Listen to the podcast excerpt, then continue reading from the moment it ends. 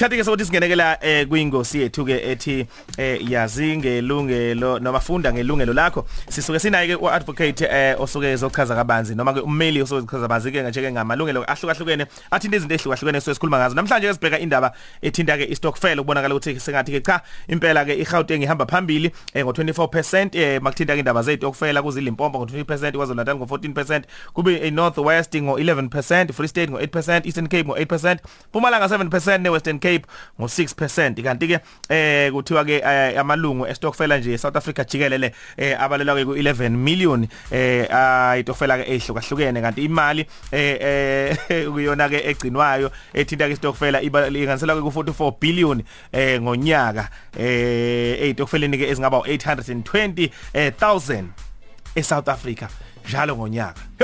Imali kanga madoda. Hey kanti ke kuthiwa u57% wamalungu estokfela abantu besifazana so uyabona ukuthi makuthiwa 57% kusho ukuthi yona ke abesifazana abaningi ukudlala ke itokfela okudlula ke abesilisa. Sinaye ke uadvocate Mlondo esokhuluma naye ke ngalesikhathi. Sikubingeleleke sikwamukele cause FM mfoka Mlondo. Eh nginibingelele basazi ngibingelele nabalaleli.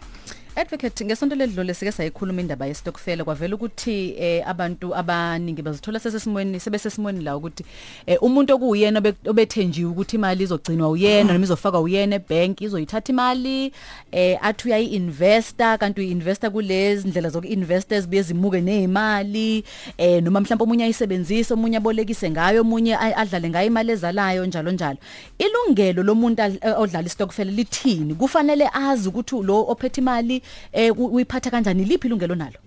Eh ilungelo la laba em lama lamalunga ezitokofela ilungelo eliyayilishicilelwe eh kwi kwi document eyayiphathe leso stokofela eh ngiyazi ukuthi abantu abaningi abavamile ukwenza lokho kodwa kuyaye kube ngcono noma sisebenza ngcono stokofela uma kuukuthi si si ne constitution eh noma umthetho sisekelo waso kanye nesivumelwano samalunga aso ukuthi izimali zakhona zizophatheka kanjani na namalunga aso istokofela azosiphatha kanjani malungana nalezo zimali?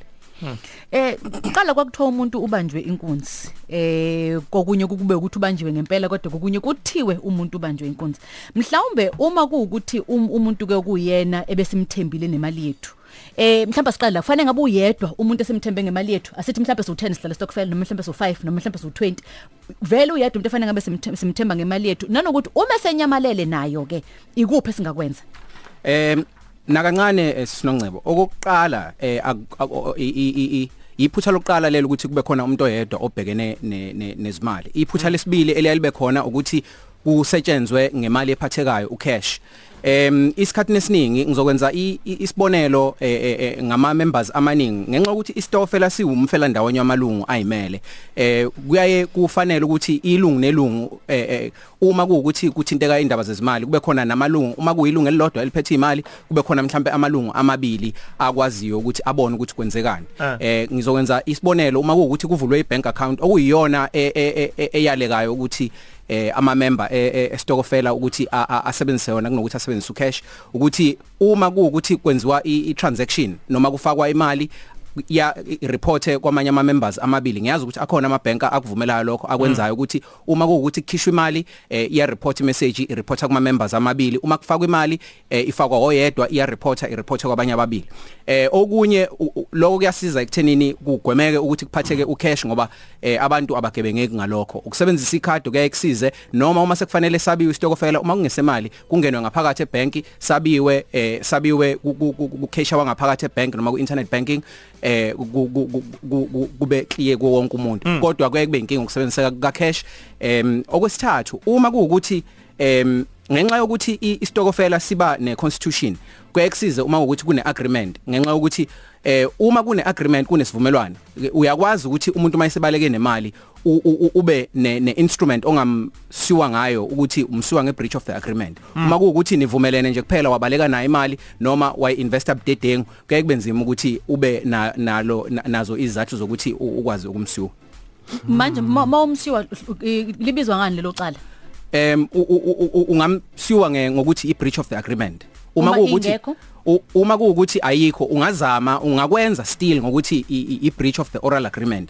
Kodwa enye into eyayibe inkinga ukuthi itokofela eziningi mhlambe uma kuukuthi umuntu em uthathe imali wahamba nayo ake ngenza isibonelo ukuthi umuntu ubolekiwe imali isitokofela wayithatha wahamba nayo wangabe sayikhokha eh okuzobhekeka ukuthi uyimember inaleso stokofela lo muntu ngoba istokofela sivumelekile ukuthi simboleke umuntu uma kuukuthi uvumelene naso ukuthi thina singama member estokofela sizokhokha iinterest ka 50% uma ukuthi seniboleka omunye umuntu nisitokofela umthetho awunivumeli lokho ngoba kuphikisana ne National Credit Act ukuthi awukwazi ukuthi ucharge i- i- i- i- interest rate engaphezulu kwevumeleke um- umthetho also i fanele kube i national credit eh, u- u- ube i national credit provider. Initokofela eziningi azikho registered njengama national eh, credit providers. Ma- umhlinzeki wezezimali. Manje ke ake ake siqale istokfela ke anyamalale uAyanda nemali yethu. Simbona uAyanda ayibona ngoAyanda usethenga imoto. Simbona uAyanda nangu u- u- i- isitezi siyakhuphuka. Nangu uAyanda ufaka amaqhox sibona a a a a imali yethu kodwa ihlangana uma sihamba siyothatha impahla yakhe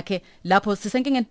Nisenkingeni akuvumelekile lokho ngoba ilokho abakubiza nge self help eh, emthethweni eh ukuthi i- kufanele uyekelela ingalo yomthetho eh ngizokwenza isibonelo uma kuukuthi isigebengu sinyontsha imoto yakho eh, uyasibona sihamba ngayo kufanele uhambe emthethweni ngisho Hawu, ayibo ngisho advocate ayibokeke ngisho ngasiphuca isigebengu imali i- imoto yakho u- uhambe is- isigebengu sivumelekile ukuthi siye emthethweni sife sithi eh ku- ngento ebizwa ngemandament and van spoli sithi u- u- u- ungiphuce imoto bengine possession uphuca possession kuphela eh, hayi imoto ibuyisele esigebengweni Thani yadlala imoto ibuyisela esigebengini kuyiqiniso umthetho kubizwa ngemandament and van spoli ah ah ah ah ah ah. Yemadoda hayibo iTV Thani yadlala wena. Kuyiqiniso. Uma kuukuthi itenant yakho i- i- ihleli endlini yakho ngokungemthetho Eh. em ay ayikhokheli rent. Uma kuukuthi uyayikhipha iyakwazi ukuthi iye urgently e high court ifike ifake imandament and van spoli ibuyele endlini. Ha. So na kwistokfela ngeke ngikwazi ukuthi umandla ngifike ngimkhumule icathulo ngeke ukwazi ukufika uyithathele kufanele emthethweni umreporte eh emthethweni mawukuthi intshontshile uma kuukuthi ubreach agreement ufake i- i- i- i- ama summons e breach of the agreement. Ye yazi mlondo kuningi esikufundayo ngomthetho mfowethu kule kule ngosi eh, ebesingakwazi ngempela ukuthi awu kanti umthetho uphula nje ungaboni ukuthi wephula umthetho wena uthi wena wenza ubulungiswa. Kunjalo impela. Yemadoda ATV Alright. ATV siyabonga.